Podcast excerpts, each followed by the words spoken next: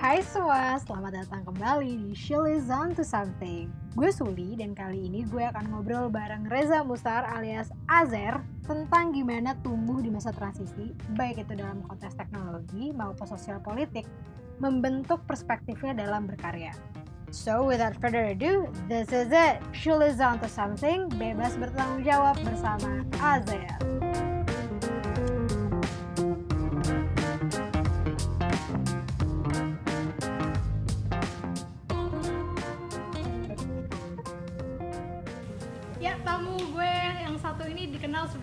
Salah satu seniman visual generasi awal yang besar dari dunia media sosial. Oh, Ada Reza Mustar bersama kita alias Azer. Halo Mas. halo Kak Suli.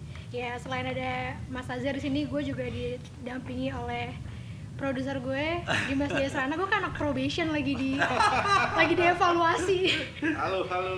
ditongkrongin ya lu kan dikenal di media di media massa lah ya gue ngeliat apa namanya lu tuh kalau diperkenal- diperkenalkan Reza Mustar yang besar dari media sosial gitu. Tapi emang zaman zaman lu tuh 2000-an awal berarti itu masa-masa awal transisi orang pakai platform media sosial buat mempublikasikan karya nyari audiens. Ah ya tahun 2000-an awal itu kan kayak mulai eh, banyak eh, seniman, penulis atau eh, apa pun itu baru meraba-raba kayak wah ada blogspot nih, gini gini gini multiply eh, MySpace yang musik-musikan terus eh, Friendster.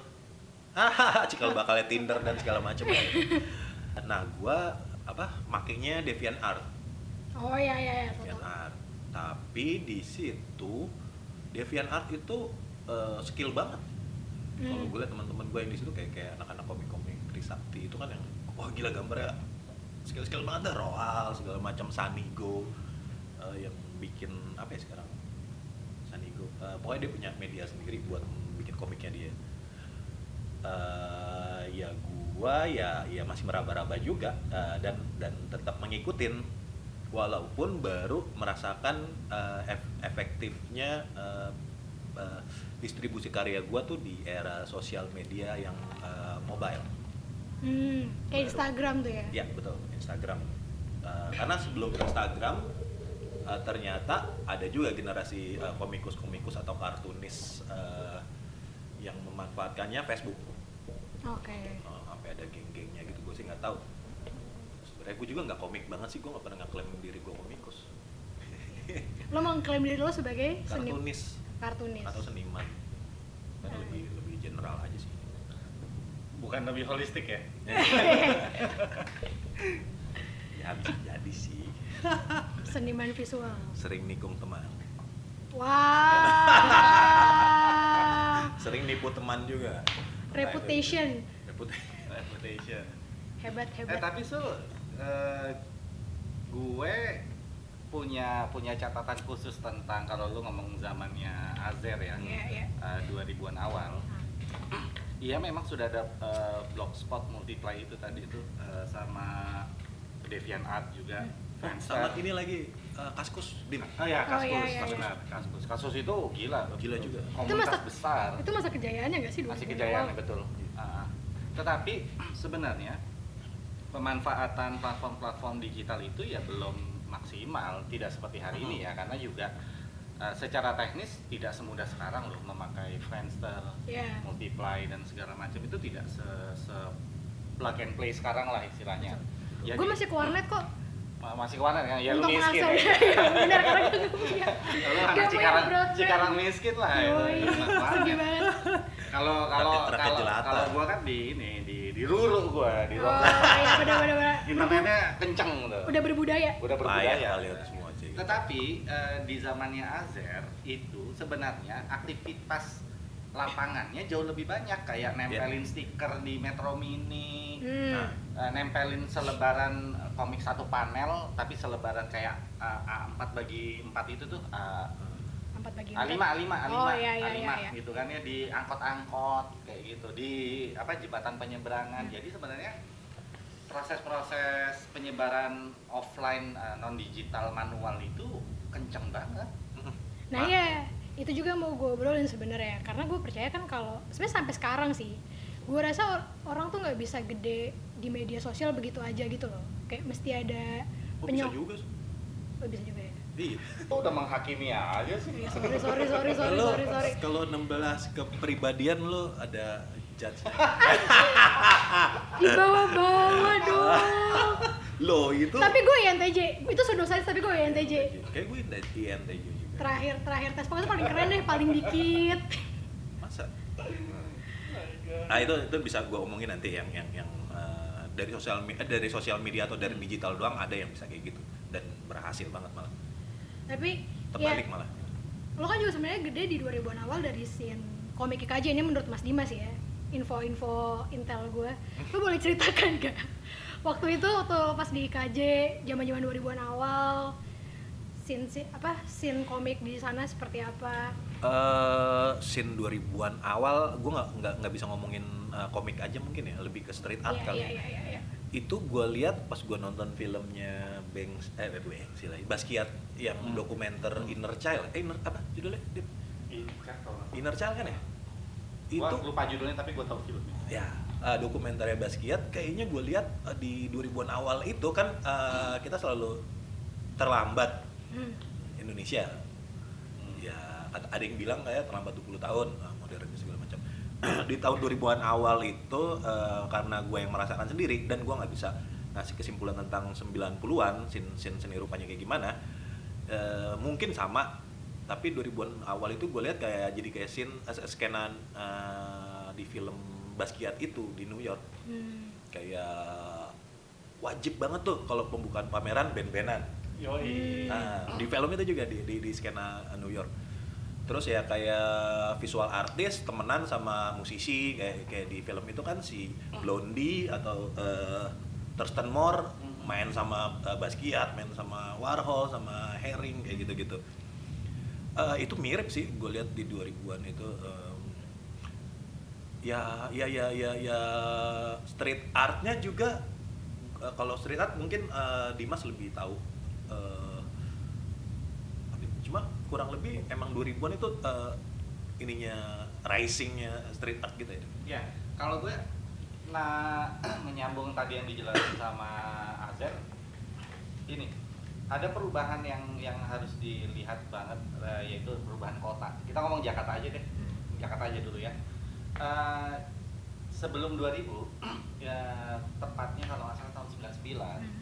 Ruang Rupa itu bikin project yang menggemparkan yang menggemparkan sekali eh, mural. Eh, kenapa menggemparkan? Karena eh, sebelumnya mural itu adalah tindakan eh, anasir, tindakan Vandal. vandal murni, Iya, iya, ya, iya. Eh, maki-maki pemerintah gitu Ya. kan ya, sembunyi-sembunyi gitu kan. Nah di 99 ini nih eh, teman-teman Ruang Rupa nih, eh 2000, sorry sorry tepatnya Oke. 2000 tahun 2000. 2000 2000 eh, eh, itu secara terang benderang dilakukan di siang hari di perempatan lampu merah kuningan di depan Plaza Indonesia Hmm. itu bikin murah performatif gitu jadinya jadi ya tidak dimaksudkan performatif Ah. tapi memang kemudian karena itu tidak pernah terjadi jadi tontonan jadi tontonan Ya.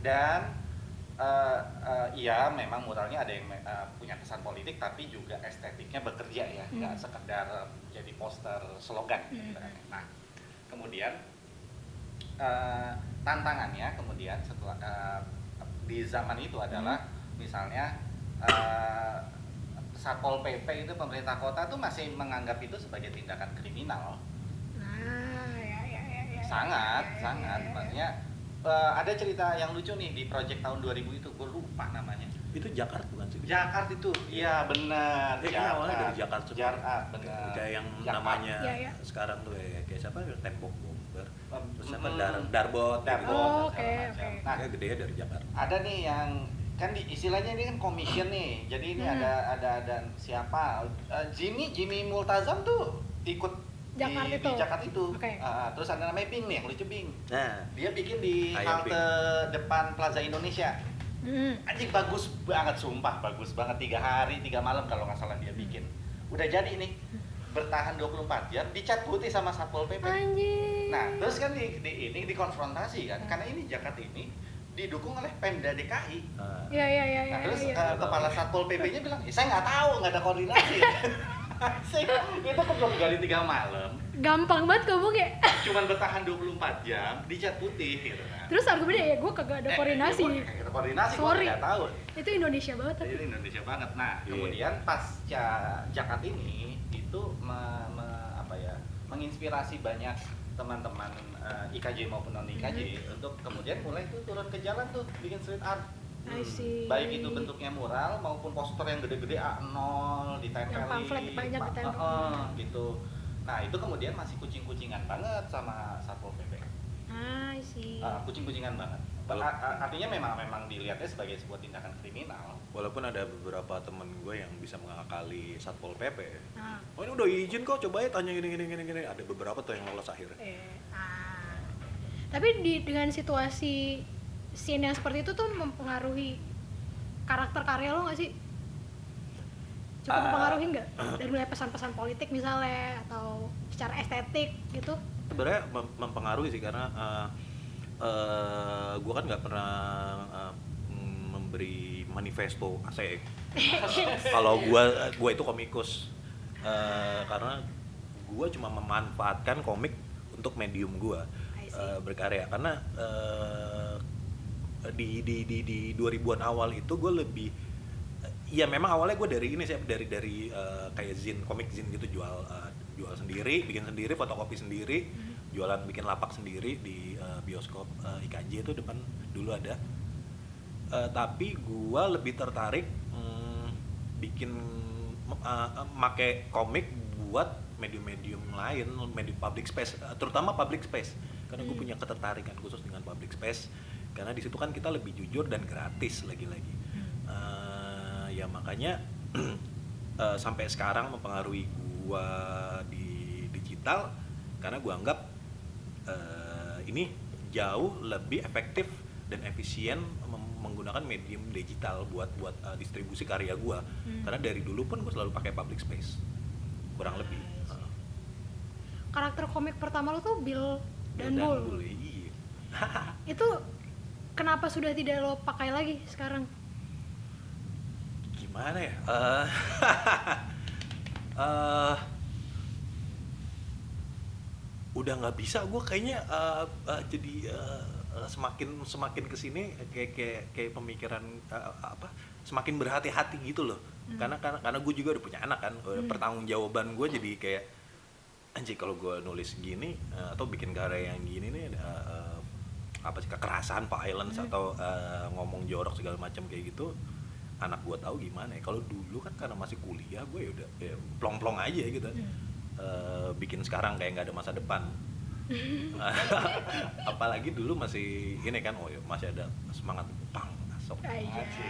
Anar anarko si, Sindikalis. Enggak, kalau dia anarkocialis.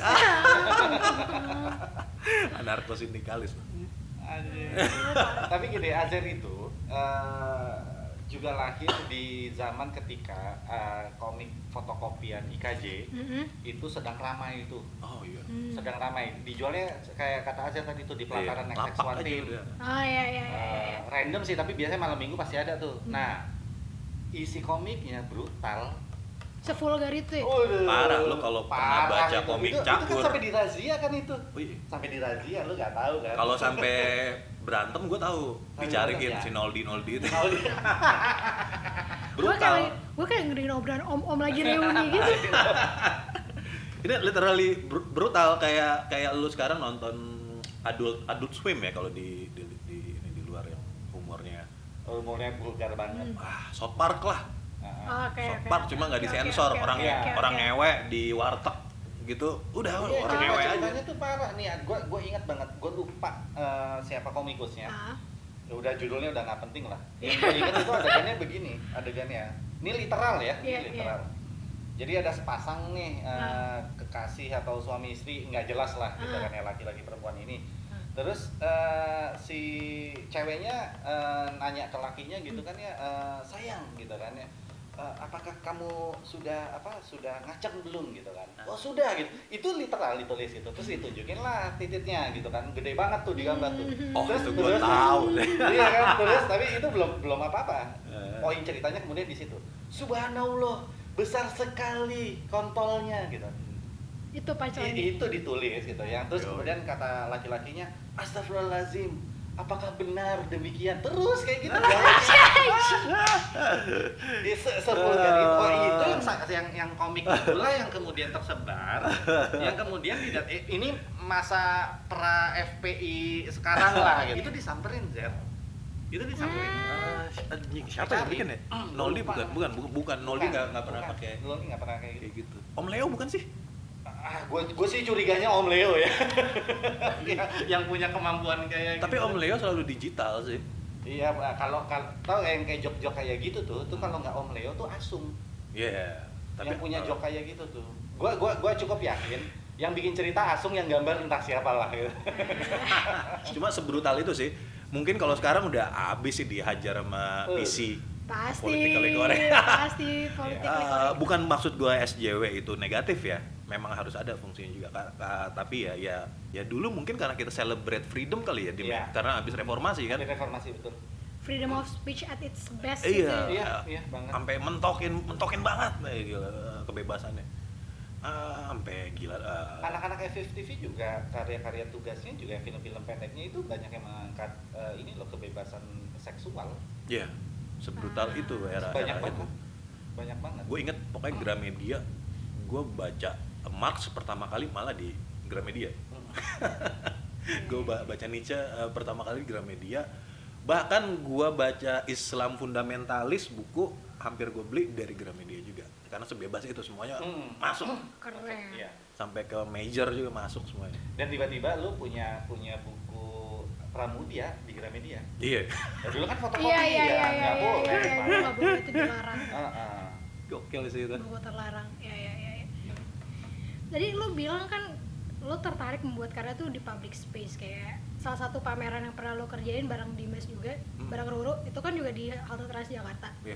Itu kayak berbekas banget buat lo karena lu sering cerita itu pas gue lihat cari-cari wawancara lo, lu sering cerita soal itu. Iya. Dan kayak publik juga menerimanya dengan sangat dengan Bagus maksudnya di luar ada dugaan. ada kesan yang berbekas lah di publik. Di luar dugaan. Ya memang bekas banget sih karena Menurut itu kenapa? pertama kalinya gue kerja sama sama ruang rupa. Ah. Uh, jadi gue tahu seni nggak cuma dari kampus gue aja. Kalau gue saat itu nggak mengambil atau nggak terlibat dalam proyek itu mungkin ya udahlah ya.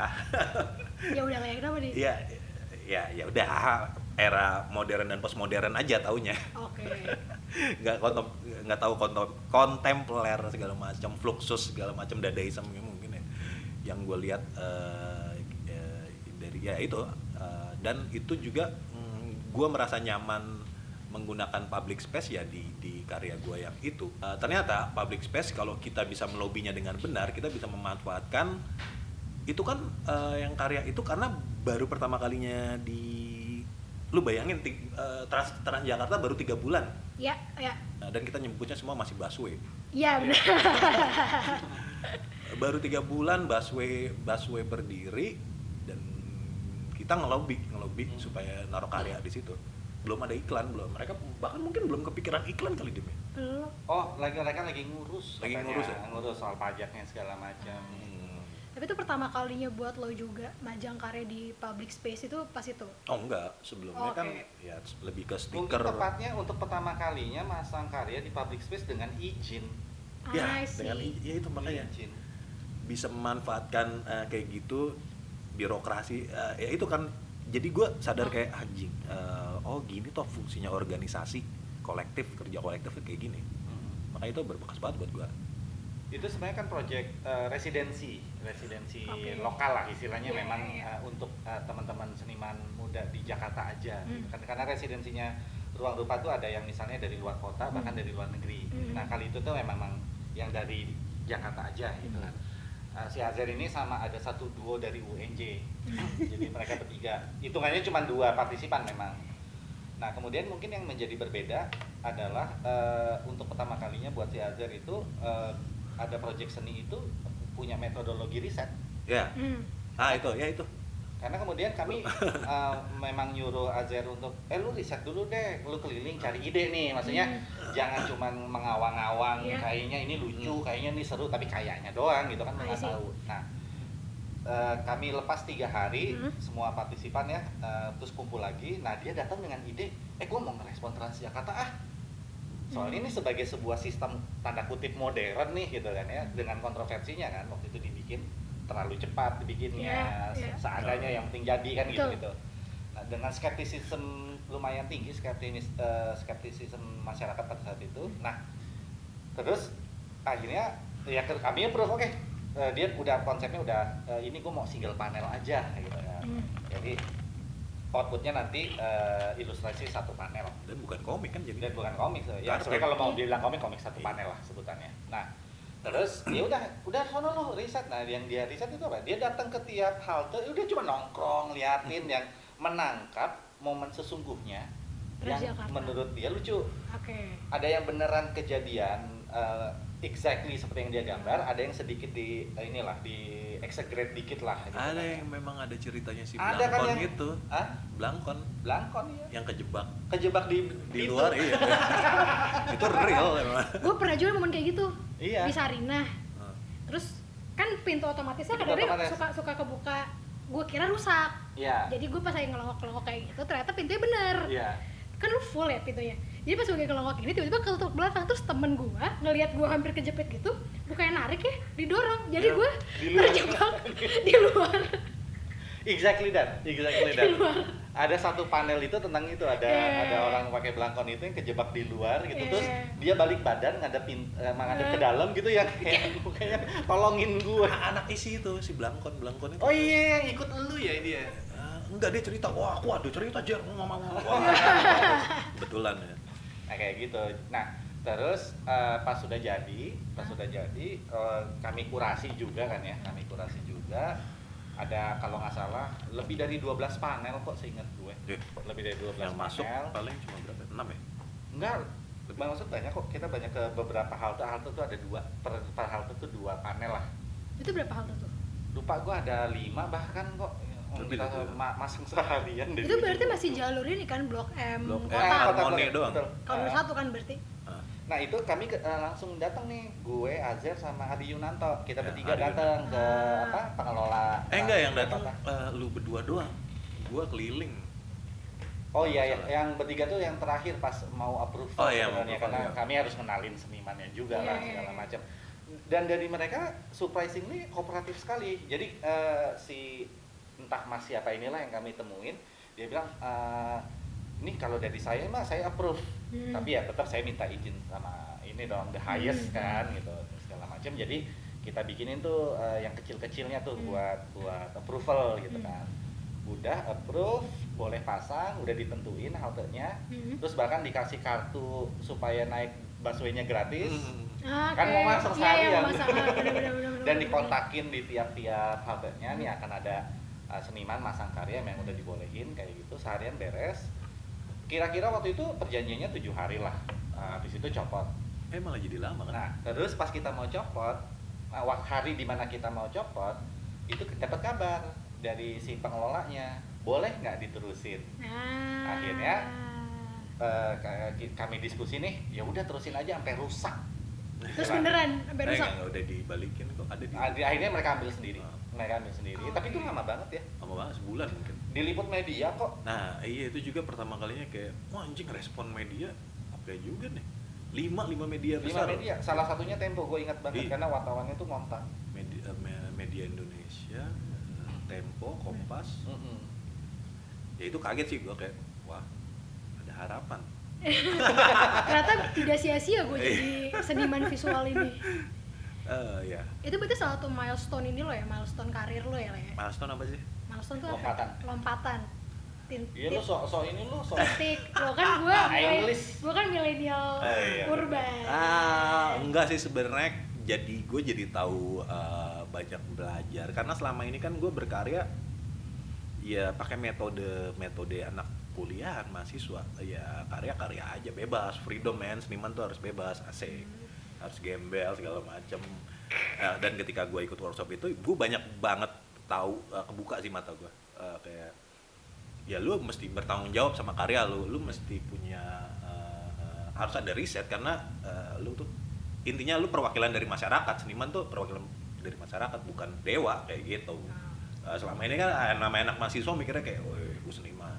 Kayak gitu-gitu di situ eh, jadinya. Makanya eh, berkesan banget buat gua mungkin kalau gua nggak ada eh, workshop itu ya udah gua men- ya tadi gue bilang mentok aja kali gua pemikiran gua di modern dan postmodern aja Jadi teori aja.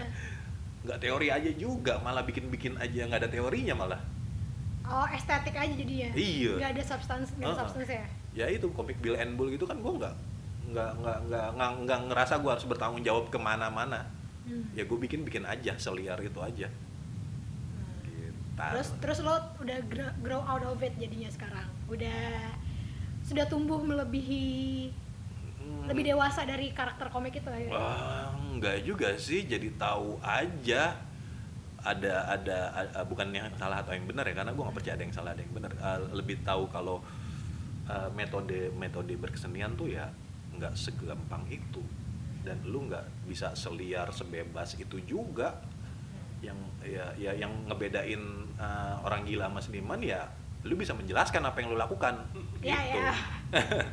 Ya, ya, ya. gitu Tadi lo sempat bilang pas di proses si pameran di Trans Jakarta itu lo melihat oh ini, ini kerja fungsi kerja kolektif buat ngelobi-lobi tempat publik gitu loh Hmm. segala macam.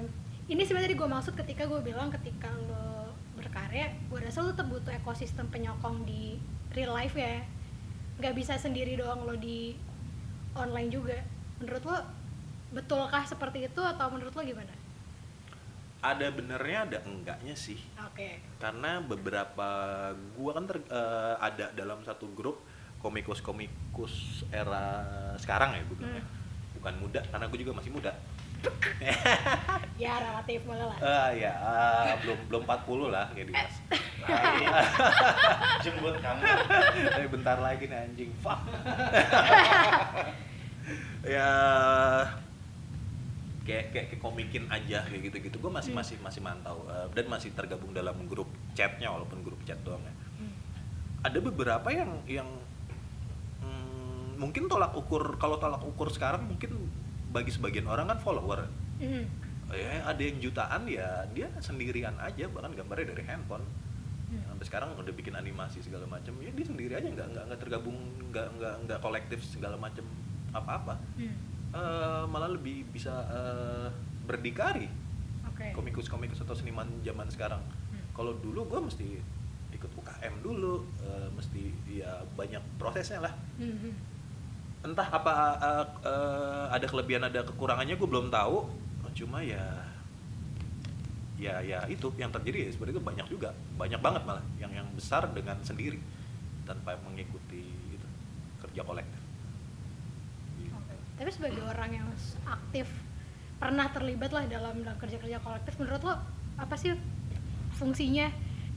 Penga- pengaruhnya lo kemudian dalam perkembangan kekaryaan lo, pembangunan perspektif lo. oh lebih ya jadi lebih mungkin ya mungkin gue nggak bisa klaim benar atau eh, mungkin jadi lebih matang aja sih dalam berkarya karena eh, ketika lu bekerja dalam atau berada di dalam ru- eh, ruang lingkup skena ya ceng-cengan itu pasti ada dan ceng-cengan itu ngebangun sehat kok Hmm. butuh banget eh pokoknya ada ada ada kayak kalau si ini belum bilang bagus berarti karya gue belum bagus. Ada beberapa teman gue yang ngomong gitu. Iya. ada kultur itu memang. Motivasi sih jadi motivasi buat butuh diakui oleh seseorang yang misalnya kita segani atau memang karyanya bagus atau gimana gimana. Bahkan kalau dia belum senyum atau belum bilang itu eh, bagus ya udah lu masih rata-rata aja karyanya Ah, kalau sekarang kan yang ah, mungkin yang sendiri-sendiri gitu tapi kebanyakan masih muda banget sih. Jadi mereka ya ya udah ngikutin pasar aja. Gua nggak bisa bilang mereka termasuk seniman gue Ah, kalau buat gue sih eh, ini ya eh, di tahun 2020 ini perdebatan tentang seniman atau bukan menjadi tidak relevan karena Iya. semua orang bisa menjadi apa pun yang mereka mau kan Yang mereka klaim. itu mereka klaim dengan alter egonya di, di Hmm. dunia maya toh Iya, gitu iya, kan iya. lo mau jadi seniman lo mau jadi aktivis lo mau jadi ah, apa urban farmer gitu kan. yang lu butuhin kan cuman kadang-kadang satu dua frame betul. foto doang gitu Iya, Ah.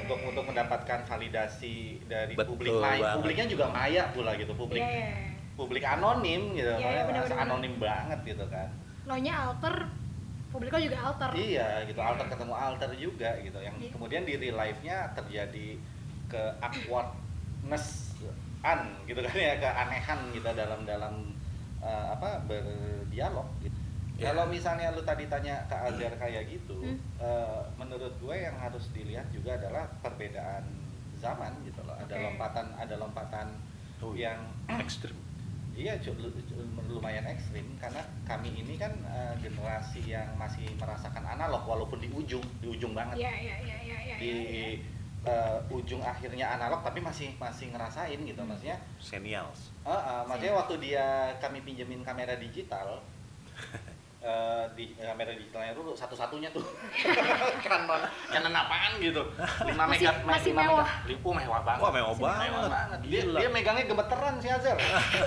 Karena emang itu benda mahal banget Iya, gitu. iya, Dan- iya. dan tapi ya ya ini yang beli juga duit dari funding bodo amat gitu. Bawa aja. Lu gantian tuh sama yang dua UNJ waktu itu.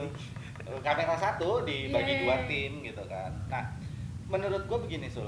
Eh, di zamannya kami gitu ya, gue sama Azer eh, itu masih banyak ketiadaan gitu loh ketiadaan Hmm. infrastruktur ada tapi tidak bisa dibandingkan seperti sekarang Iya, iya, iya. Nah, kamera digital ada tapi mahalnya minta ampun ampun ampun mahalnya Minta Nggak Amit. Accessible ya. nggak aksesibel gitu kan nah terus dari ketiadaan itu Mhm. kemudian muncul eh, ini keinginan berbagi Oke.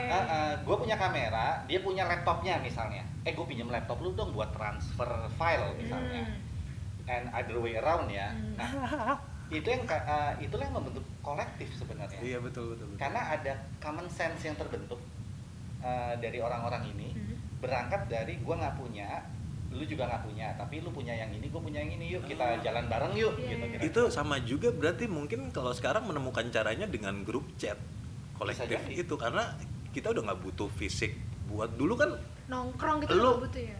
pasti lah pasti lah lu pernah bawa harddisk SATA lu di dalam tas dibungkus-bungkus segala macem Eh, wah gue mau nih anjing Eh, Anjing. gue bawa harddisk gue deh bukan ngopi ini lagu ya bukan eksternal hadis yang kayak sekarang ya Ya, yang gede gitu kan.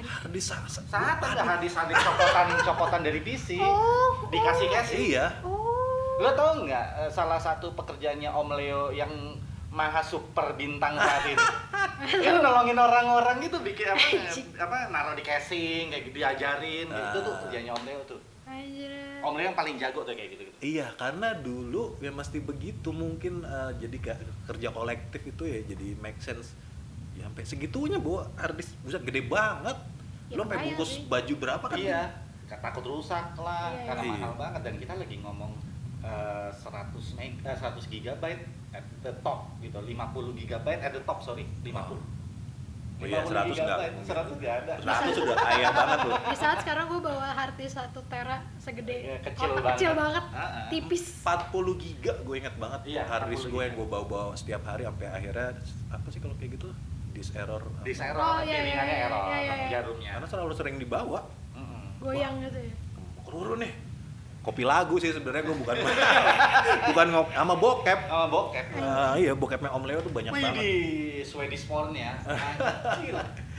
Lo kalau mau bikin podcast sama Om Leo jangan ngomongin karya Jangan, jangan, jangan. Porno aja. Iya Enggak, ah, dia dan teknologi. Iya Karena dan Om Leo tuh teknologi banget dulu di Ruru. Iya. Ah. The man ya The man, The man. IT-nya Ruru IT. sebenarnya. Di balik Om Leo berkaraoke ternyata ada Om Leo tukang servis. Oh iya, oh iya Iya. Om Leo itu bisa bisa nyeramahin kami itu tentang apa itu mendefraktisi. Anjir. gue tau gue tau istilah defrag tuh dari novel 5 cm. Anjing, berarti lu gak pernah ngerasain defrag. Janet. Gak, gak pernah, gak pernah. Yo ini guys sih gitu. Yang sekarang belum pernah ngerasain defrag, hmm, lu mesti ngerasain tuh yang namanya Lu belum defrag. belum gig lo, belum gig. Belum, belum, belum, belum. Defrag tuh sebenarnya dia prinsipnya diapain? Ya ini data-datanya di ini dilurusin, Dipadetin. di, dipadetin, Padetin. Oh. diatur supaya supaya ini teratur jadi lebih cepat nanti kerjanya Defrag terus apa lagi tuh? Oh. makanya cleaning komputer kan zaman itu juga nggak mudah Iya.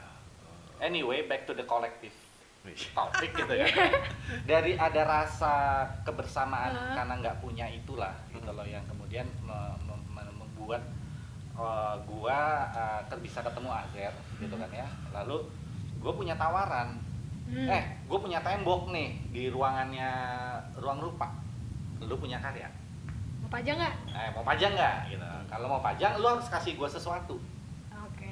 gitu misalnya lu jadi mentor dong buat workshop ah gitu value to value Transaksionalnya di situ. di situ, Iya. di situ. Atau kemudian Ruru ada project apa, Hmm. butuh iya butuh volunteer. Woi, bantu dong gitu kan. Iya. Atau eh bikinin ilustrasi dong Hmm. gitu. Ya, itu semua sebenarnya dilakukan dengan senang hati gitu, dengan riang gitu. Makanya nggak ada iya, Iya. nggak ada tekanan fun apa-apa. banget, Fun parah, banget. gila. Gila nggak ada. Wah. Gue ingat, gue ingat, gue ngomongin itu, gue ingat. Project dia Hah? itu ada duitnya. Yang mana? Eh, yang yang di Transjakarta Oh, yang itu. 2003 itu. Ah, Iya, kayak ada, buat buat Gopay kalau deh. gopay. gopay. Terus terus ini Oh, iya, dua- ini 2003, real. oke, sorry, Ya, Gopay. 2003 nih. Ini real ya. Kan dikasih, Zer, nih duit gopay buat riset lu buat apa nanti fotokopi yang gede gitu. Terus dia bilang, dia bilang nih, bukan anjing banyak banget tim gitu. Gue belum. gue anak kuliahan, men. 50.000 ribu harus bisa gue manfaatkan sebaik mungkin sampai dua minggu. Iya, kayak gitu.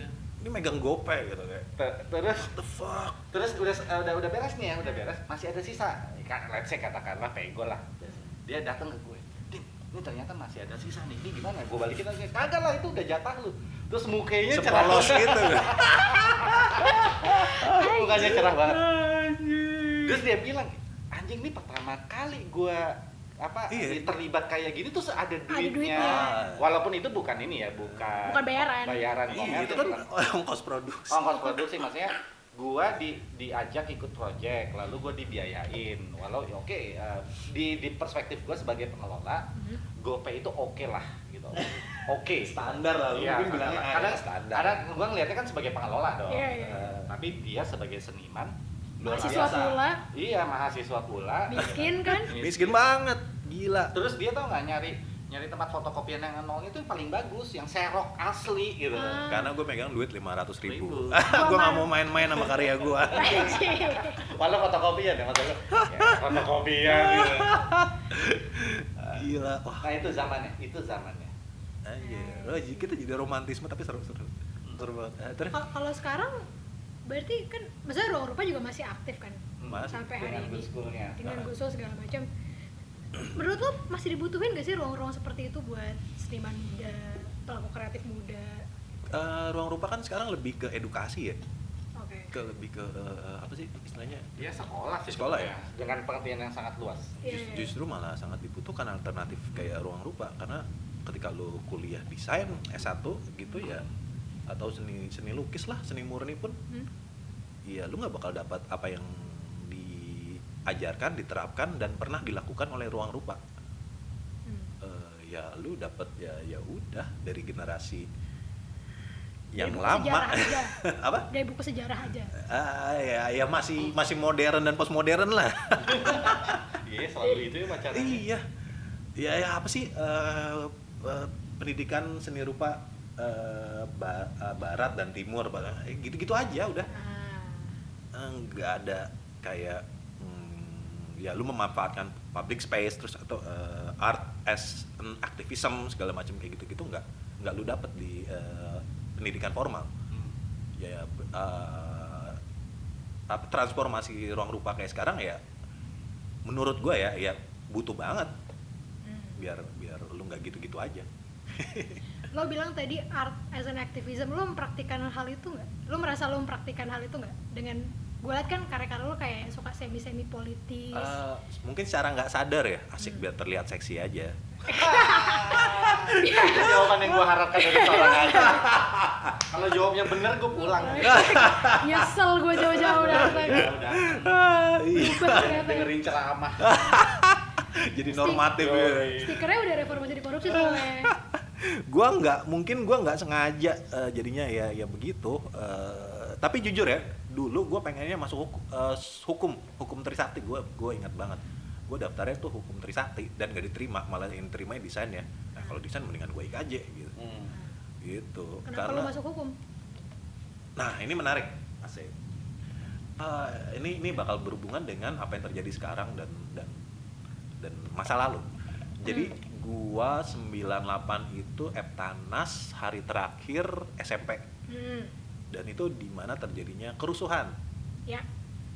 kerusuhan 98 dan waktu itu gue sekolah di SMP di Tangerang. Tangerang kan banyak pecinan kan. Hmm. ya gue belum belum belum. Ya udah gue nggak nggak.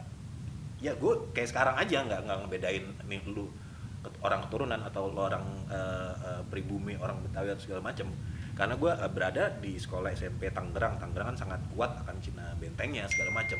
Di bahkan lo emang udah ke Tangerang? Cikarang. Oh, bahkan pengemis aja di Tangerang banyak yang orang Cina. Ya, gue ngomong Cina karena gue masih ada Cinanya jadi gue bebas dong. Nggak rasis. Kok lu political correct gitu sih?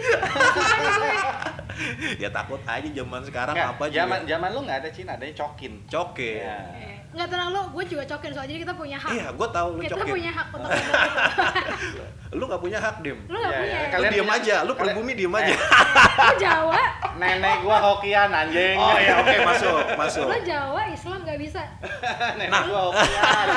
tapi yang menariknya eh, di 98 itu gue merasakan yang namanya krisis identitas Hmm. karena gue nggak diakuin sebagai pribumi karena gue waktu itu pindah ke SMA yang di Ciledug dan gue dibully eh Cina Cina gitu sementara di komunitas Cina gue nggak dianggap sebagai Cina Sial banget ya. iya karena gue peranakan Ah. Eh, ya ya itu gue gue mempertanyakan identitas eh, kesukuan kewarganegaraan gue gitu lu bayangin gue baru lulus SMP dan gue harus dealing sama hal-hal kayak gituan dan tiap hari gue nonton TV di mana figur mahasiswa ideal itu ya seperti figur mahasiswa 98 Hmm.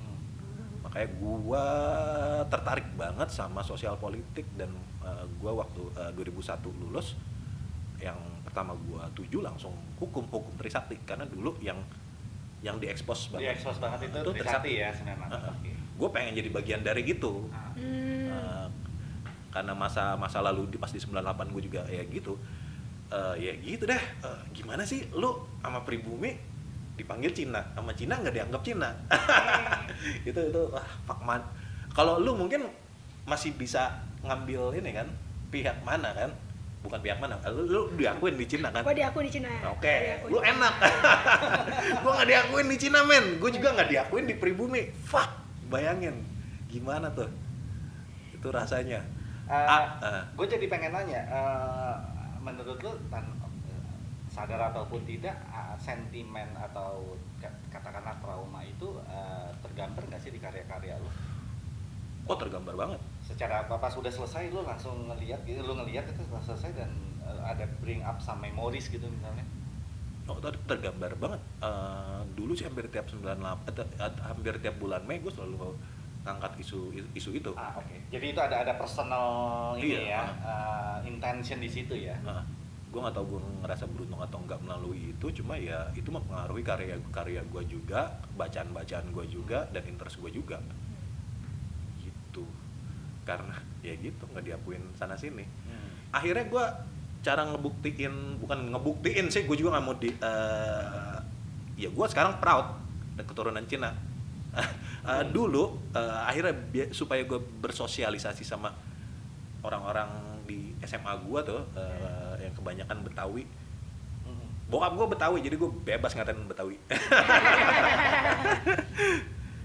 gue jadi imam Hmm. Sholat. sholat gue baca tuh eh, surat-surat yang panjang mampus lu Pa- Padahal Cina juga bisa Islam sebenarnya ya. Eh, lah iya makanya iya ya ya udahlah pokoknya situasi waktu itu tuh ambigu banget Tapi sampai hari ini tuh itu juga kayak gitu.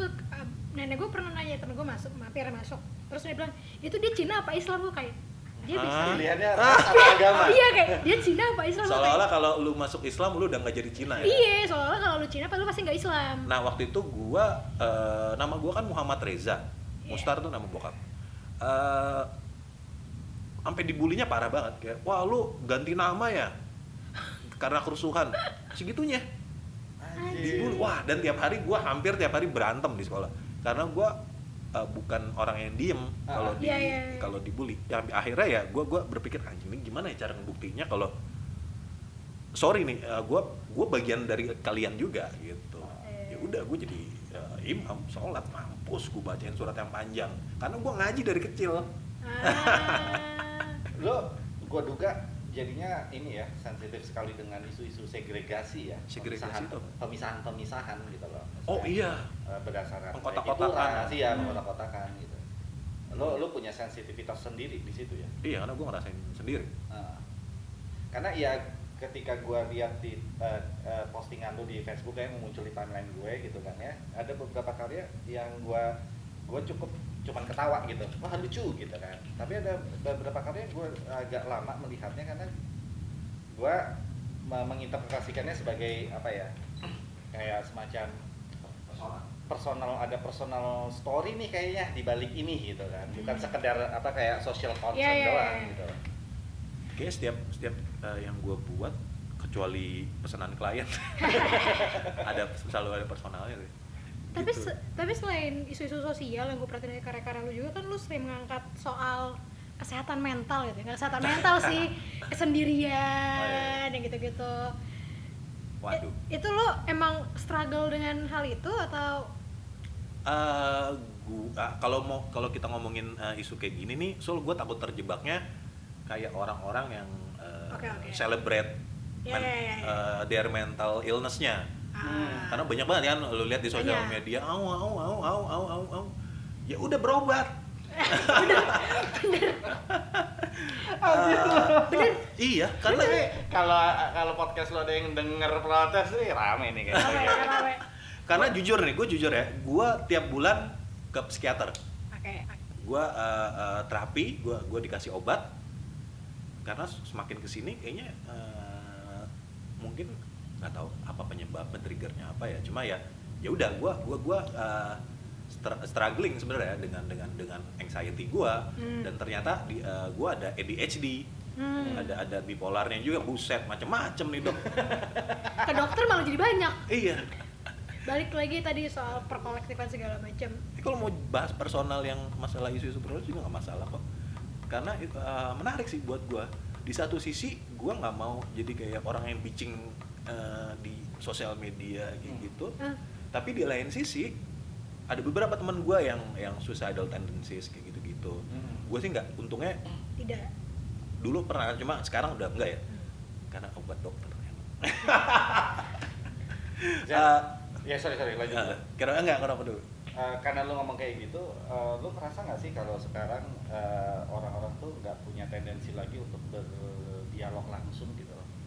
Maksudnya obrolan-obrolan langsung kayak gini, kayak podcast gini kayak gitu misalnya kan ya itu kan eh, menurut gue ya itu memberikan better understanding tentang masalah lu misalnya. Oh iya iya. Ya, karena kan gue bisa lihat gestur lu, gue bisa lihat, eh, bisa dengar intonasi lu dengan lebih tepat dibanding teks jadinya tweet war kayak gitu loh misalnya. Iya, mungkin itu yang hilang dari uh, zaman sekarang yang digital. Hmm. iya Ketika ketika dama- ja- pameran konvensional zaman dulu yang bukan di sosial media lu atau Hmm. digital, pasti tuh ada ya. Ini ini kenalin ini senimannya, Ah, ya, ya, iya. ya. iya iya iya Kayak gitu. Lu bisa jadi bisa ngelihat karakter senimannya. Oh si Hahan tuh kayak gini gerak-geriknya, makanya karyanya begini. Ah, Atau si eh, Popo tuh begini orangnya, makanya karyanya kayak gini. Jadi make sense ya Eh, gua nggak tahu eh, itu istilahnya apa make sense cuma Kalau kalau Popo nggak ada yang make sense sih dari oke. Baik. Nggak maksudnya make sense kayak orangnya begini karyanya begini. Oh enggak, enggak, enggak. Oh, enggak juga? Popo tuh enggak enggak jangan pakai sense. Oke, Salah. baik. baik baik baik baik baik baik. Karena kan seniman kan eh, jadi jadi dikenal orang juga kan dari personalnya ya kan. Hmm. Picasso dengan segala eh, megalomaniaknya dan arogansinya dan segala macamnya eh, Van Gogh yang menyedihkan Eh, siapa lagi? Yoko Ono yang wah gue idolain Aneh. banget Yoko Ono. Dengan fluxusnya yang baru bisa orang mengerti beberapa belas tahun kemudian eh, ya itu yang hilang dari sekarang eh, eh, antara seniman dan karyanya jadi kedekatannya itu loh apa? Gue nggak tahu istilahnya apa sih cuma ya itu sih. Cuma kan kalau sekarang seniman tetap tetap muncul karakternya lewat branding gak sih lewat sosial media kan Iya. apa yang mau dia kasih lihat ke audiens iya brandingan ya brandingannya teruap atau enggaknya kan nggak ada yang bisa bedain asik eh, Enggak, ini kan kita lagi ngomongin bagaimana dialog itu Dialog, kemudian iya. value-nya udah berubah. Iya. Betul. Dong. Dari tadi awal kita cerita gitu kan ya. dan butuh opini juga dong Iya. Dari awal dari awal nih kita cerita nih, gue menceritakan eh, proses eh, Azer dari sudut pandang gue sebagai eh, anak rudu saat itu ya pengelola gitu kan Yep. ya. Yang di mana kemudian eh, dialog kami tentang apa itu berkesenian, bikin karya, riset atau penelitian Yep. riset itu itu intens banget sampai Oh, sampai jam 2 pagi gitu. Gila. Dan itu nggak ngalor ngidul ya, itu nggak ngalor ngidul, emang ngobrol, Iya, ngobrol iya. santai sih. santai sih cuma iya cuma substantif lah. Hmm. Gitu. Nah, proses itu yang yang menurut gue, menurut gue itu berkurang drastis bukannya nggak Iya. ada tapi berkurang drastis. bedanya sekarang lu ditai-taiin sama orang yang nggak dikenal Iya. kalau dulu gue ditai-taiin sama orang yang gue kenal dan, gua, diskusinya nggak oke. berprogres Iya. maksudnya kalau kalau di medsos kan jadi cuma statement ketemu statement Iya.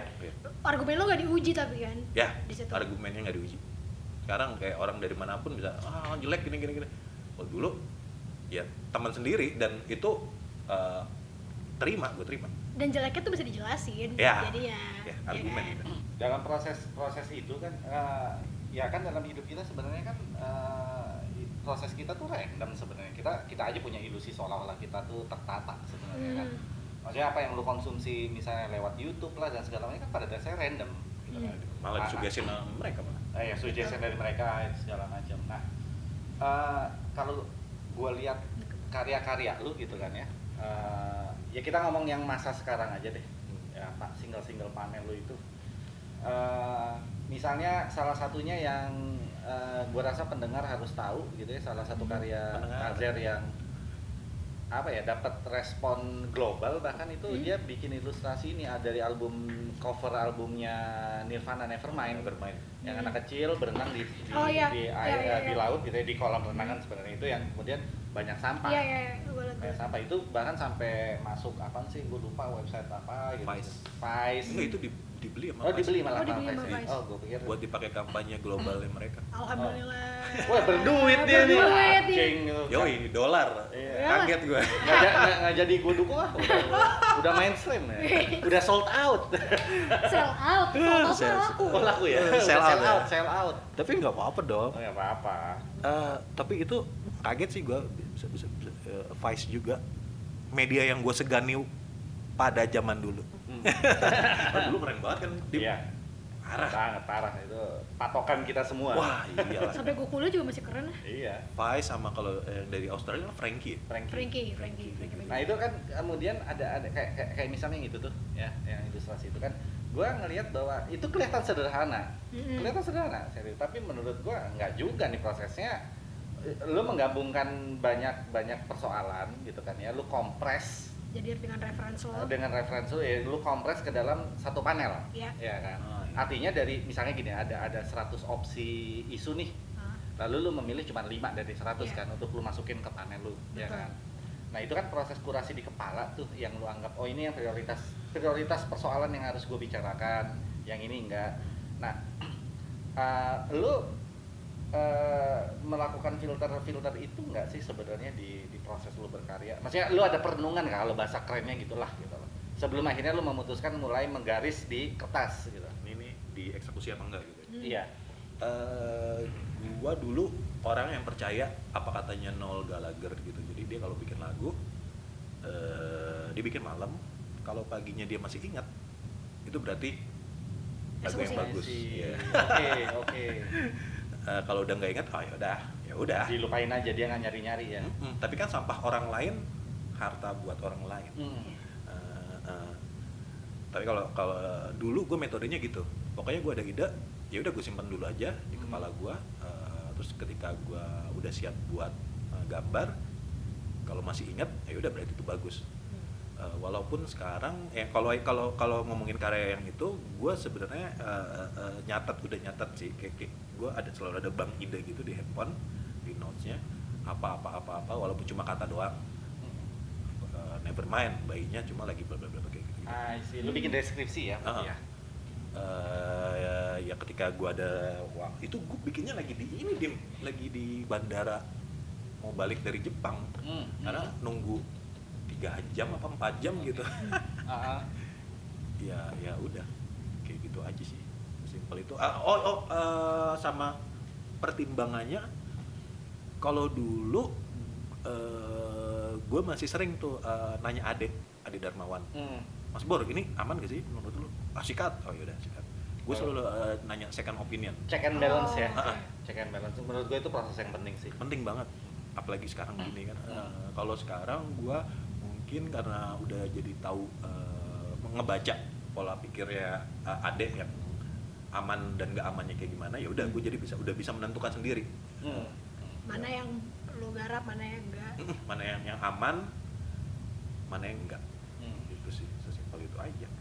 Oh, itu proses yang menarik loh maksud gue. Menurut gue Iya, ya iya. jarang uh, seniman-seniman muda sekarang nih mau berdiskusi soal karyanya gitu loh. Maksudnya wah menurut gue bagus revolusioner Itu lo aja kali yang skeptis. Ya, kali ya Iya kan? Kan gap nih, Iya, jauh gap nih. umur ya, gap Gap umur. Karena udah gak main Tai. lagi kan sama anak-anak umuran gue. iya setidaknya gue nggak ngecat rambut jelek sih itu keuntungannya berumur punya pertimbangan yang lebih kayak so- soalnya teman gue juga uh, yang penulis itu masih ada proses-proses dia gue mau nulis gini menurut lo gimana ini ini terlalu vulgar gak ini terlalu self centered gak sih ini terlalu Oke. uh, segala macam. Maksudnya ada, diskusi gue itu masih gue tidak bilang semua semua seniman muda kemudian reckless. Ya ya ya tapi gue juga nggak sepakat kalau lu bilang bahwa enggak kok seniman muda punya awareness. Nggak menurut gue ini kan tergantung individunya. Betul karena betul. karena kan eh, tahun kemarin kan ada beberapa komik yang di media sosial itu jadi masalah. Oh, gue nggak lupa nyebut Iya. na- karena gue nggak tahu topiknya. nama apa? Topiknya aja. Topiknya soal misalnya tentang tentang eh, jihadis fundamentalis kayak gitu. Yang yang menurut gue memang offside.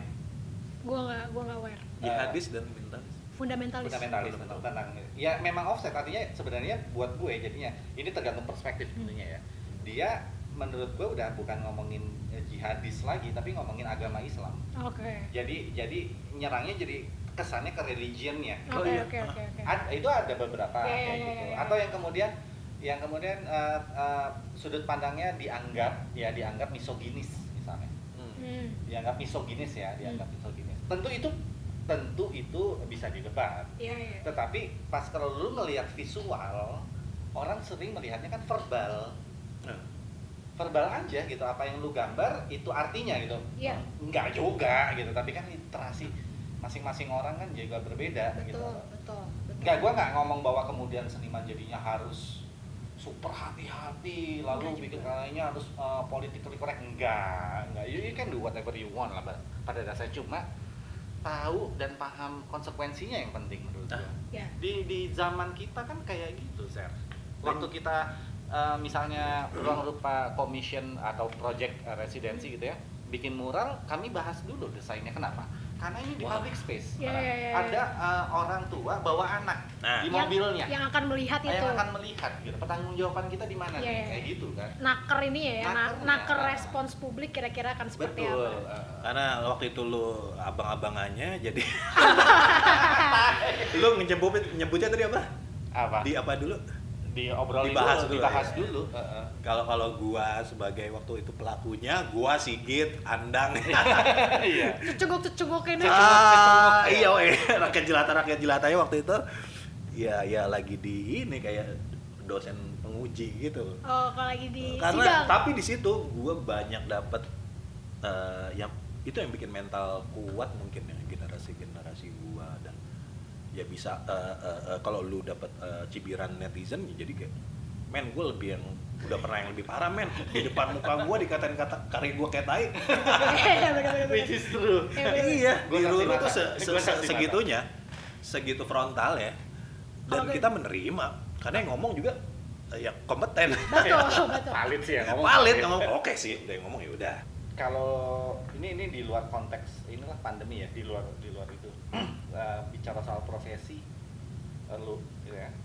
Eh, dengan dengan apa eh, shifting paradigma ya paradigma kita kan lagi shifting semua nih. Uh, dan pandemi itu mempercepat sebenarnya. Betul. Maksud gue tiba-tiba kan sekarang semua orang bicara digital karena itu adalah cara satu-satunya cara Hmm. untuk terus bisa berkomunikasi anak-anak tetap bisa mendapatkan pelajaran gitu kan.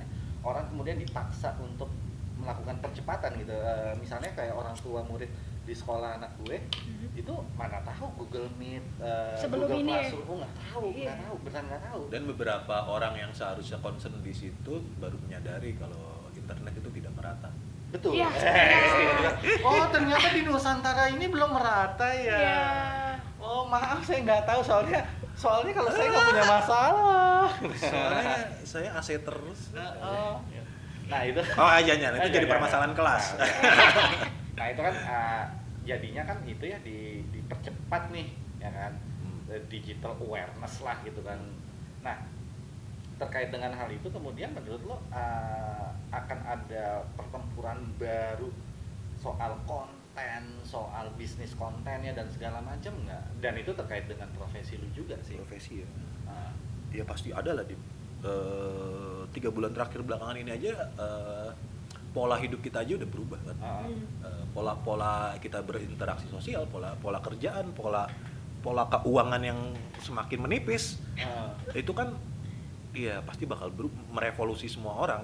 Eh, tapi gua gua gua percaya sih eh, kita kan nih eh, udah udah kita kan ada yang yang kita Homo erectus apa sih? Nah, Homo sapiens sapiens. Homo sapiens. Sapiens sapiens. Homo sapiens sapiens. Tapi kan ada Homo erectus yang nggak berhasil berevolusi kan. Mm-mm. Itu karena mereka nggak mau beradaptasi. Iya, betul. Eh, ya udah mereka di di di di situ-situ aja.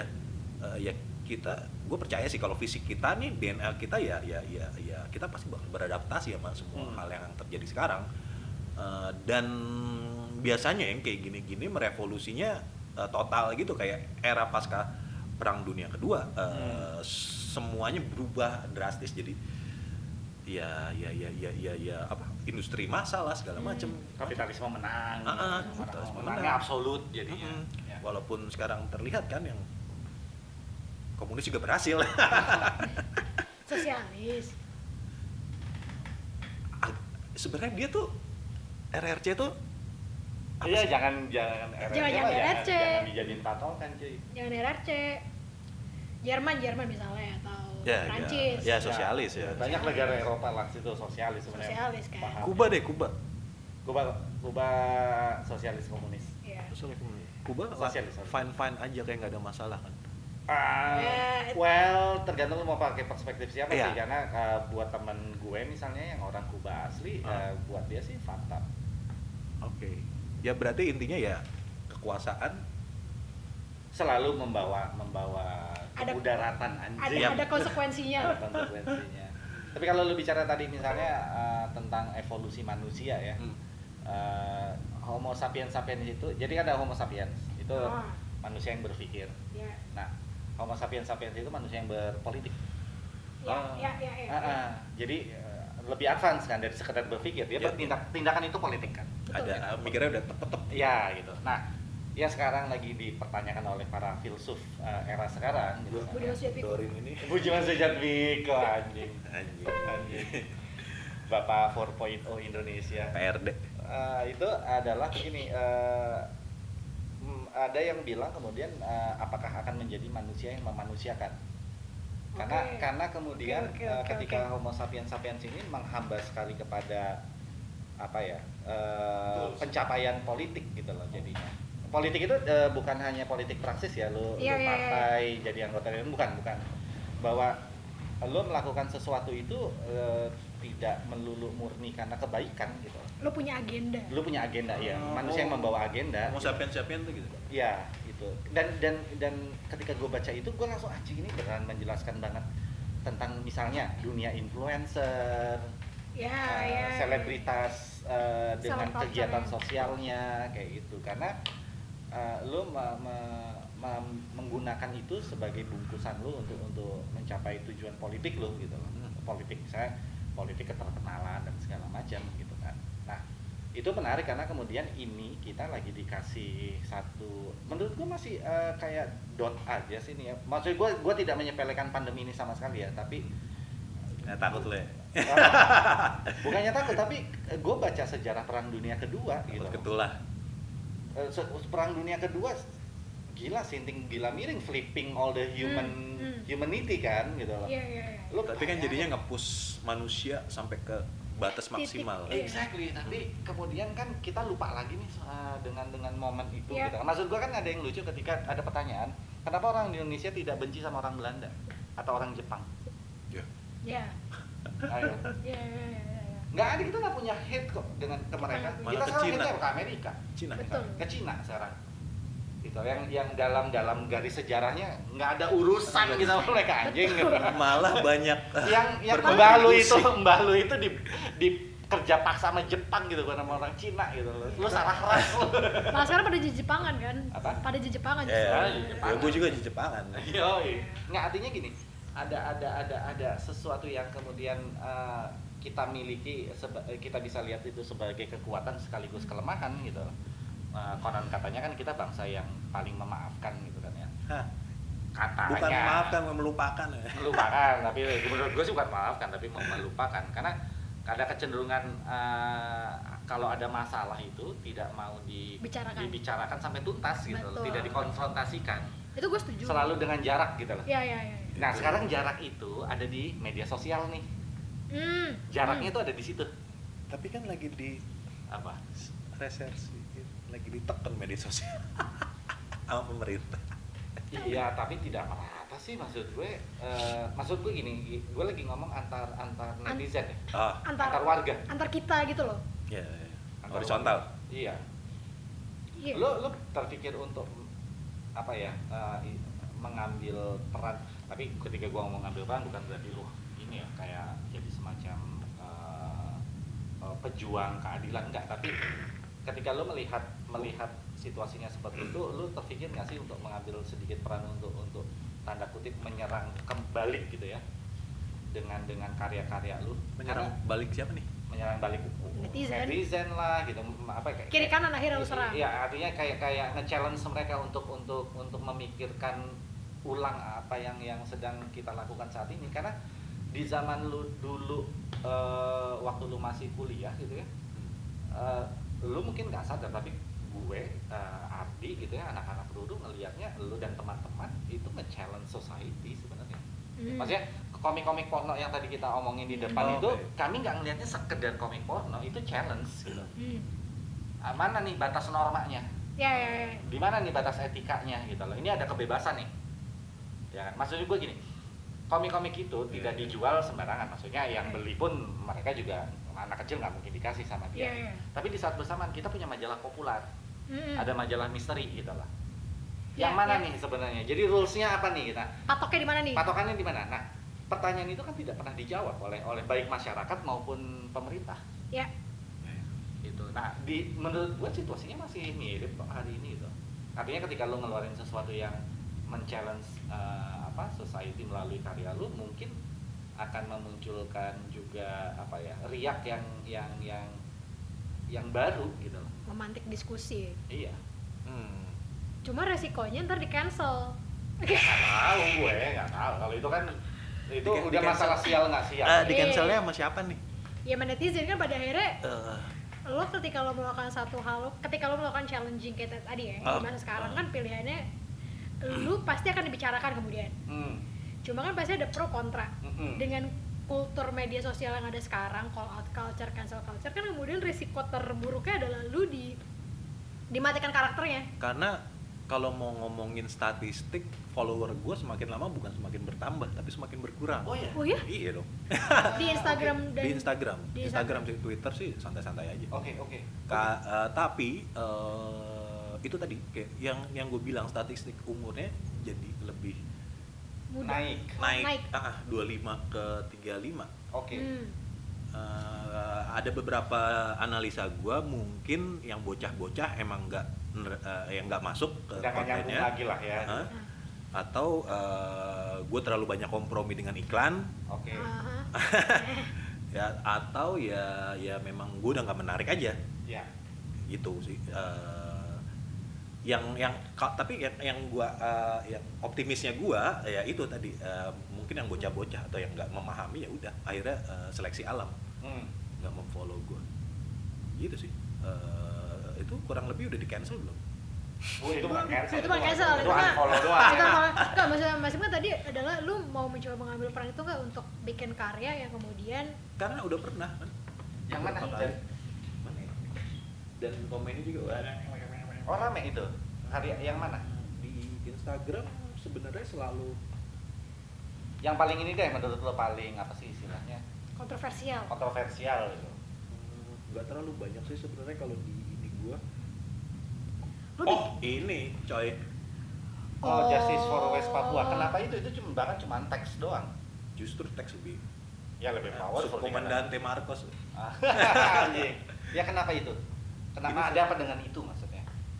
Pemahaman orang banyak tentang Papua kan sangat-sangat ini ya sangat-sangat eh, terlalu disuapin Ya. Hmm, sama sama sama media massa mainstream ya masa mainstream sama status quo segala macam lah Ya. ketika ada pandangan pandangan atau fakta yang lain ya ya ya ya mereka pasti nggak mau mengakuinya ya. yang terjadi kan seperti itu Ya. dan di situ gue di ada satu komen yang yang yang masuk ke kepala gue kayak gue dianggap memanfaatkan Black Lives Matter uh, Ah. permasalahan Oke. itu karena me- mereka menganggap persam- permasalahan Black Lives Matter nggak sama kayak di Indonesia karena Papua eh, mereka bilangnya Papua tuh udah dibangun eh, infrastruktur bla bla bla bla bla, bla. itu goblok banget sih menurut gue Ah, gue gua gua sangat sakit hati sih nah, ngebaca uh, komentar itu komentar bahkan orang-orang uh, gue nggak bukan ngebandingin ya cuma yeah. gue rasa situasi di US lebih baik dari situasi di West Papua kenapa lu berpikir demikian ngomongin ini aja kuantitas korban dan uh, yang terblow up dan nggak terblow up Oke. Okay, okay. Ini agak-agak serem nih. Iya. Iya iya iya iya iya. Itu ada tukang bakso tuh di depan. Ya. Pernah ada. gratis katanya sekutang juga ada ngomongin itu aja deh Ah, kebayang. statistik ya ya ya dalam ya. perang kan statistik ya ya ya ya udah ketok palu udah nggak ada komen lagi Tapi lo lo eh, sendiri sebenarnya siap ya untuk untuk untuk menerima komen-komen. Untuk komen iya. Kalau masih bisa gua gua jawab dan gua lagi mood ya gua gua gua Lanjut. ajak ya, ngobrol diskusi gua anggapnya diskusi. Karena ya itu tadi eh, gua selalu menganggap eh, ah, enggak deh. Dulu gue punya anggapan sosial media itu eh, galeri yang sangat eh, apa sih namanya efisien sama Mm-mm. terjadi komunikasi dua arah antara audiens dan seniman. senimannya. Ah. oke. Yang itu susah atau jarang terjadi di galeri konvensional. Oke. Hmm. Eh, ya, gue nganggapnya eh, dulu eh, sosial media seperti itu. makanya kemarin juga masih ngadain komen-komen yang masuk segala macam kritik saran Iya, whatever iya. ah, Dan ternyata kemudian ya, lu nggak bisa revolusi tidak terjadi dalam satu malam. Itu susah, udah, udah, udah susah, udah. Ngomongin ya udah, akhirnya sampai di tahap gue ya udahlah, ya udahlah. lu nggak bisa ngerubah orang, ya, ya, ya, ya sama seperti orang nggak bisa ngerubah lu. Gitu sih. Jadi ya udah gue cuma eh, harapan gue di karya-karya kayak gitu ya, ya cuma supaya orang tahu aja ada Oke. ada dan terjadi dan real kalau lu mau nyari tahu Hmm. ya ya ya nggak diada-adain nih Yups. isunya karena kan ya selama ini kan selalu uh, uh, bumbu-bumbu manis kan tentang kalau kita uh, ngomongin itu kan Ya. Papua itu ya BBM. BBM satu harga Beda loh sekarang gini, gini, gini. ya. Iya sih. Jadi ah, kalau dalam bahasa gue ya ilusi kan. ilusi ilusi Dibangun tuh ilusi. ilusi ilusi tentang kesejahteraan. tapi gue rasa itu terjadi di semua isu sih nggak cuma Papua maksudnya bahwa Indonesia orang Indonesia tuh informasi disuapin segala macam. Kalau kita ngomongin hal-hal yang berbau konflik sejarah sejarah yang tidak terlalu menyenangkan. Oh ya pastilah. Gitu gitu maksudnya bahkan tentang 65 karakter segala macam Aceh. Kalau bahkan tentang karakter pahlawan gitu misalnya. Iya. kayak Soekarno gitu. Iya. Ya, ya. Dia sel- Mitos-mitos. mitos-mitos gitu. Jadi kita di, di- diberikannya kayak gitu-gitu. Kalau gue punya teori gue sendiri soal itu Sur. apa? Eh, kita jangan-jangan sebagai sebagai masyarakatnya sendiri ya Iya. eh, itu su- emang suka membangun ilusi aja. Tan- Bisa jadi. bah- bahkan eh, misalnya tadi Azan ngomong disuapin, jangan-jangan disuapinnya cuma satu sendok sebenarnya gitu. Hmm. Cuman Hmm, kemudian di- iya. kita kita kemudian Improv. menyuapnya eh, improv dengan satu sendok Iya, gitu. iya, Gue iya. percaya sih. Gitu. Jadi sebenarnya pemerintah juga effortless juga nih memanipulasi kita. Em- Jangan-jangan iya, pemerintah Udah gini aja ntar juga netizen bisa iya bener bener bener bener bener Jangan-jangan pemerintah yang ngikut arus. Iya. Bukan ngebangun arus. bisa bisa gue kadang-kadang curiga bahwa buzzer RP itu sebenarnya nggak ada, udah nggak ada, jangan-jangan itu udah selesai itu karena udah udah kebentuk pola. Ah. Jadi Iya, lu udah tinggal ditinggal cuman aja, udah. ngelempar, ngelempar satu satu doang, tuk gitu Tuk, udah selesai Dar. Tapi orang kan tetap punya ilusi ada buzzer RP misalnya gitu kan ya. Walaupun gitu. kita juga nggak tahu ya, Iya. yang mana yang ah ah gitu deh. Serem juga sih sekarang. ya itu kalau kalau teori gue sih kayak gitu karena kemudian eh, apa ya kalau kita ngomong misalnya eh, generasi Ah. gitu kan ya sampai dengan 90-an nggak? let's say umur 30 hari ini Ah. ya dia masih pakai kurikulum lama loh waktu SD kurikulum lama tuh yang mana nih Caturula. C- eh, kurikulum ya lu kuri- lihat aja kurikulum Diknas. Aduh males banget ya maksud gua kurikulum ya kurikulum lama tuh yang eh, kan ada kur- tiap lima tahun itu ada pembaharuan kurikulum Iya. dan segala macam nah ada satu masa ya yang gue sekarang umur 40 Hmm. ya, Lo angkatan berapa sih? Gue sembilan eh, lulus 98 gue 98. nah itu Oh, Ardi ya. iya sama Ardi eh, Anda lu jauh. lulus SMA 2012. Gue 2001, 2001.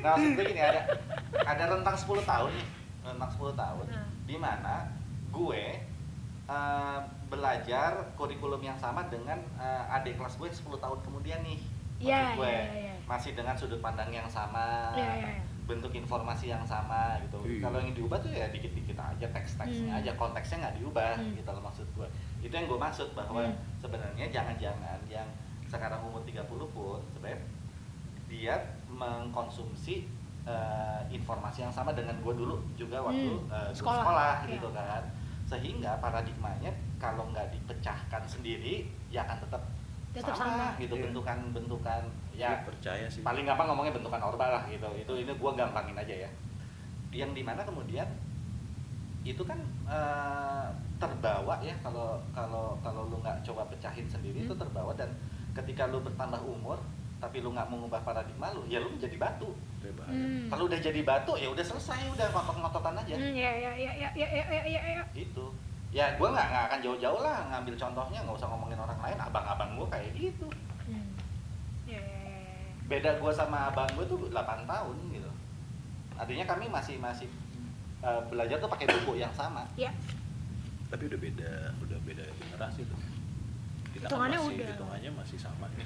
lagi-lagi. Zer, yang kita omongin di depan kita itu beruntung sebenarnya karena kita ngalamin analog Ya transisi. dan transisi digitalnya sehingga sekarang misalnya almost digital murni ya Nah, sehingga menurut gue uh, orang kayak gue sama Azir itu punya ke- uh, kesadaran tentang memilah oke. Dan dan kita melalui 98. iya. Kaget. kaget Kebebasan. kaget Wah, kaget banget, men. ya ya ya ya kebayang kebayang kebayang banget. kebayang kebayang karena gue tahun 99 gue udah di Prokoto tuh 99 gue berkumpul 8 orang itu beneran diangkut gue gue nggak bohong diangkut gue iya ya kebayang kebayang. Berkumpul 8 orang cuy. Jam 10 malam gue diangkut. Di mana? di Purwokerto tahun 99 tuh masih ada kayak kayak gitu. Kayak kalau gue kan jadi kayak ya balik lagi ilusi tentang 98 akhirnya Iya. yang gue punya. Imajinasi sih. Karena kemudian ini gue nggak mau ini yang nggak mau um, memperbandingkan uh, Generasi-generasi, mana yang kelam mana yang iya. kurang kelam Hmm. maksud gue antara 65 sama 98 98 itu paling jarang dibicarakan semua film aktivis itu ngomongnya 65 hmm. yang yang yang kemudian ada satu udah almarhum sayangnya yang secara intens ngomongin 98 itu Bang Tino Sarungalo ada dia bikin dokumenter tentang gerakan 98 dan Hmm. segala macam dia bikin sequelnya Hmm. itu Bang Tino itu satu dari sedikit orang yang intens ngomongin ngomongin eh, ini era 98 Parah loh.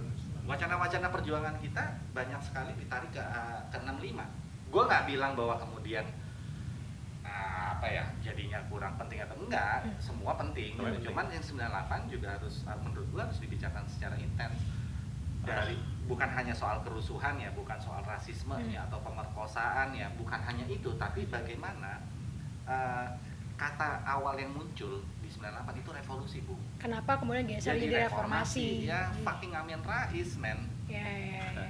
Ya, kayak gitu maksud gue kan kemudian kan jadi jadi permisif permisif Iya. udah jangan revolusi reformasi aja gitu. Kan jadi kayak gitu gitu gitu loh. Padahal bisa jadi tuh revolusi. oh udah udah. Di ujung itu menurut gue mah. Oke deh. Sebelum kita ini dua jam kita ngedit rebet ya. Nah, pertanyaan terakhir kalau gitu enggak nggak terakhir. Gue masih punya pertanyaan. Nah, kok lu gitu sih? Kan produsernya. Ya kan gue produsernya. Ya udah pertanyaan terakhir dari gua. Ya. Ah, ya, tadi. menurut lo jadinya kan lo terlibat dengan dengan ketebatan di ruang rupa Jakarta 32 apa sih bacanya 32 derajat Jakarta 32 derajat. 32 derajat itu kan lo baik manfaatkan ruang publik. Sebenarnya peran tadi kita ngomongin sempat ngomongin peran skena ke lo sebagai pelaku ya. Tapi kalau peran kolektif scene kreatif untuk publik sendiri tuh sebenarnya menurut lo apa sih? Yang bisa diberikan skena kolektif seni kolektif kreatif terhadap publik ya publik umum? Eh, beber- eh, ruang rupa kan salah satu dari or, eh, dari tempat eh, kolektif eh, yang gua tahu dan gua terlibat. Sebelumnya juga gua pernah ikut ada FNB Food Not Bomb. Hmm. ya eh, ya itu dari anak-anak ya pang-pangan. Terus ada juga ya dari kampus pun. Kampus gua salah satu lumayan kalau misalnya ada yang lagi ada ada musibah eh, kita bikin eh, acara. Eh, musik lah apalah eh, untuk dananya buat buat buat yang yang membutuhkan kayak gitu gitu peran kolektif sangat penting sih karena kita hidup di negara yang autopilot kali ya. enggak enggak bukan autopilot. Itu dulu. Eh, kita hidup sekarang ya udah pegangan lu ya cuma orang-orang yang lu percaya. Di sekitar lo. Di sekitar lu. Eh, lu nggak bisa mengharapkan secara vertikal. Hmm. paham kan? Ya ya ya, udah lu andalin ya ya ya ya itu apa ya, ya penting banget ruang kolektif. Karena lu kalau mau bergerak apa ya eh, ya lu nggak bisa minta secara ver- vertikal ke pemerintah atau apalah Hmm. Cuma kalau dari segi karya gitu, apa yang dihasilkan dari ruang dari kolektif-kolektif itu menurut lo punya punya fungsi yang substantif gak sih? Kalau- Jadinya kalau kalau dulu iya iya banget karena kan eh, medianya juga kan beda kan Eh, kalau sekarang yang gue lihat dari dari generasi muda gue ngomonginnya komik ya komik di Indonesia ya lebih agak kurang sih lebih lebih jadi kayak cuma tukar informasi segala macam reference doang. Hmm. dialog pun ja- jarang. Mungkin mereka punya sub sub eh, grup kali ya dan gua nggak tahu. Hmm. Eh, ya jadinya lebih kayak gitu. Dan dan jarang sekali ada gerakan. Ada beberapa kali sih eh, mereka eh, yang yang yang muda-muda ini bikin gerakan-gerakan gambar di mana lah gambar di mana Eh, sebenarnya perlu ada perlu ada sosok figur kuat yang bisa menggerakkan mereka sih. Cuma gue bukan orang yang tepat dan eh, scene komik pun kayaknya nggak terlalu begitu begitu amat ke arah sosial politik ya. Ada beberapa tapi eh, ya beberapa doang. Ya, jadinya ya ya gue kalau sekarang ya gue melihatnya agak agak agak ya gitulah. Masih belum tahu arahnya ke mana dan belum bekerja secara efisien. Gitu. Nah, kalau dulu iya banget mana pertanyaan terakhir lo? Pertanyaan gue, nih. kita bicara pergeseran nilai nih. Ya, pergeseran nilai. Eh, tapi yang simpel-simpel aja. Gini, eh, hari ini ya Zat, ketika gue ngeliat anggur merah itu ada di synchronize, Hmm. gue langsung sadar ada nilai yang berubah. Gue bilang nih ke, gue ngobrol sama temen gue yang satu angkatan sama gue gitu, anggur merah itu identik dengan kita dulu yang nggak punya duit, yang nggak bisa nongkrong di Kemang gitu misalnya. anggur merah masih oh lu berarti lebih kaya dari gua Iya, gue gue juga yang masih lumayan punya duit lah ya. gua gua. McD lebih murah lagi sepuluh ribu Iya, McDonald. delapan ribu malah Iya. Kapan lagi? Ya kan nggak Nah, tahu deh. topi miring Ah. Topi miring Topi masih miring di bawah. berarti masih masih masih di, di atas Masih gua. ada lumayannya lah gitu. Tetapi ya walaupun kismin kismin juga Kismin juga, kastanya Kismin. Tapi Ah. kemudian uh, uh, kemudian ketika AO ini jadi, lo bayangin gua aja generasi gue tuh ngomongnya AO bukan Amer. Eh. Ah, ah. Itu kemudian jadi jadi apa ya uh, minuman uh, standar di skena skena hipster Jakarta ibu kota gitulah. Pada maksud masanya. gua tiba-tiba dia jadi sesuatu yang sangat normatif hadir di senopati gitu misalnya. Hmm. itu kan perubahan nilai itu ya. Uh, sesuatu yang dulu dianggap rendahan kemudian jadi cool. Gitu. Nah uh, itu pertanyaan gue adalah tentang perubahan nilai seperti itu. Lu lu merasakan nggak sih kemudian uh, perubahan-perubahan nilai itu di di di generasi sekarang ini? Dan termasuk bagaimana cara cara mereka melihat sebuah karya sebenarnya? Iya. Eh, kalau boleh jujur sih gue terlibat sih buat eh, bukannya ntar lu langsung cabut ya. Ah, anggur merah tuh ngontak gue berapa empat tahun lalu Majuan. mungkin empat tahun laluan kali ya buat ya kerjasama Uh, si AO-nya Eh, anggur orang tuanya si orang tuanya. khususnya kolesom ya Eh, karena anggur merah dan kolesom sebenarnya eh, satu perusahaan cuma beda beda produk Hmm. ya ya gue di ya ya ya, ya gue bikin gambar-gambar ya ya ke situ bahkan yang disinkronize pun beberapa gue gitu. Hmm. Eh, ini kita ngomongin eh, yang terjadi di belakangnya Eh, Mm-mm. mungkin mereka baru sadar pas ketika eh, waktu itu ada cerita uh, Segidok anak-anak Segidok Mhm. lagi mabok malam-malam ngemailin ke eh, eh, marketingnya orang tua buat disponsorin ah ya udah dengan senang hati dan dan dan mungkin di situ mereka baru sadar kalau eh, eh, ini ngomongin korporat ya Iya.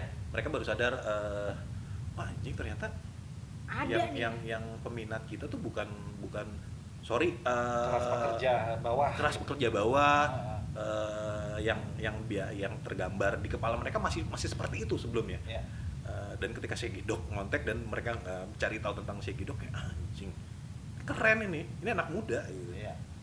Ya udah akhirnya nggak lama selang berapa bulan mereka kontak gua buat bikin ya gambar-gambar ya promosi tentang itu ya ya dan pergeseran ini juga eh, budaya juga kali Dip. kayak kita dulu kan mengagung-agungkan merasa 80 tuh keren Mm-mm. gua rasa sih itu sih kan karena karena eh, tren selalu iya repeti eh, berulang-ulang aja Iya, iya. ya mungkin generasi sekarang ngerasa ya 90-an Puluhan keren, keren iya Iya. oke lalu punya baju gombrong. Sekarang kan zamannya kan baju gombrong. Gombrong lagi ya? Yang gue ngeliatnya Begi, aduh begi, begi. Begi begi ya nah. begi dimasukin stasi Iya. eh, Iya, iya, iya. elah Damn. damn man. Ya begitu. Jadi ya itu itu cuma proses aja sih proses budaya yang Iya. yang yang ya fashion. Iya iya. Eh, anggur merah nilainya jadi gitu ya itu juga fashion juga sih. Iya. Oke.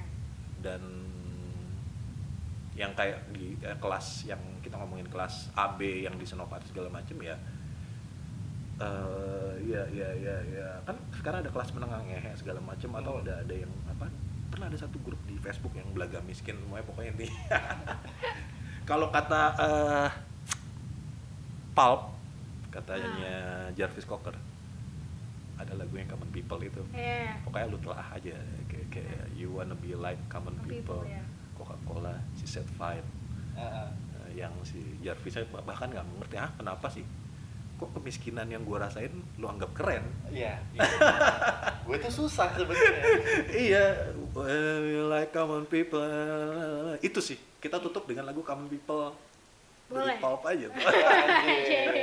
she came from she came from Greek. She has a uh, thirst for knowledge ya pokoknya gitu lah. Dia ngomongin pulp itu band pop yang keren banget sih menurut gua karena dia selalu lagu-lagunya tuh eh, kayak kayak kayak cerita. Heeh. dan selalu ada sosok kayak lagu Disco Thousand Deborah Iya. Hmm. di Common People ya dia ngomongin cewek dari dari Yunani eh Greek Yunani Iya.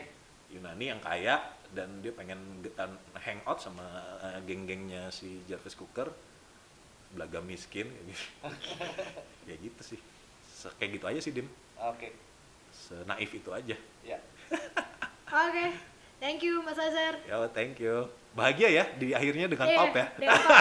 Oh, ya, asik yang ya. gelap-gelap tadi udah tutupin Udah, aja dulu ya iya kalau make it tuh dekat. kan kita kan bangsa yang gampang lupa Betul, betul. Oke. Baik, terima kasih semuanya. Thank you. Thank Thank you.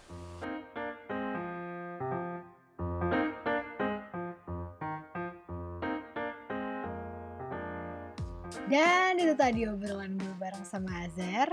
Thank you for listening. See you next time. Bye.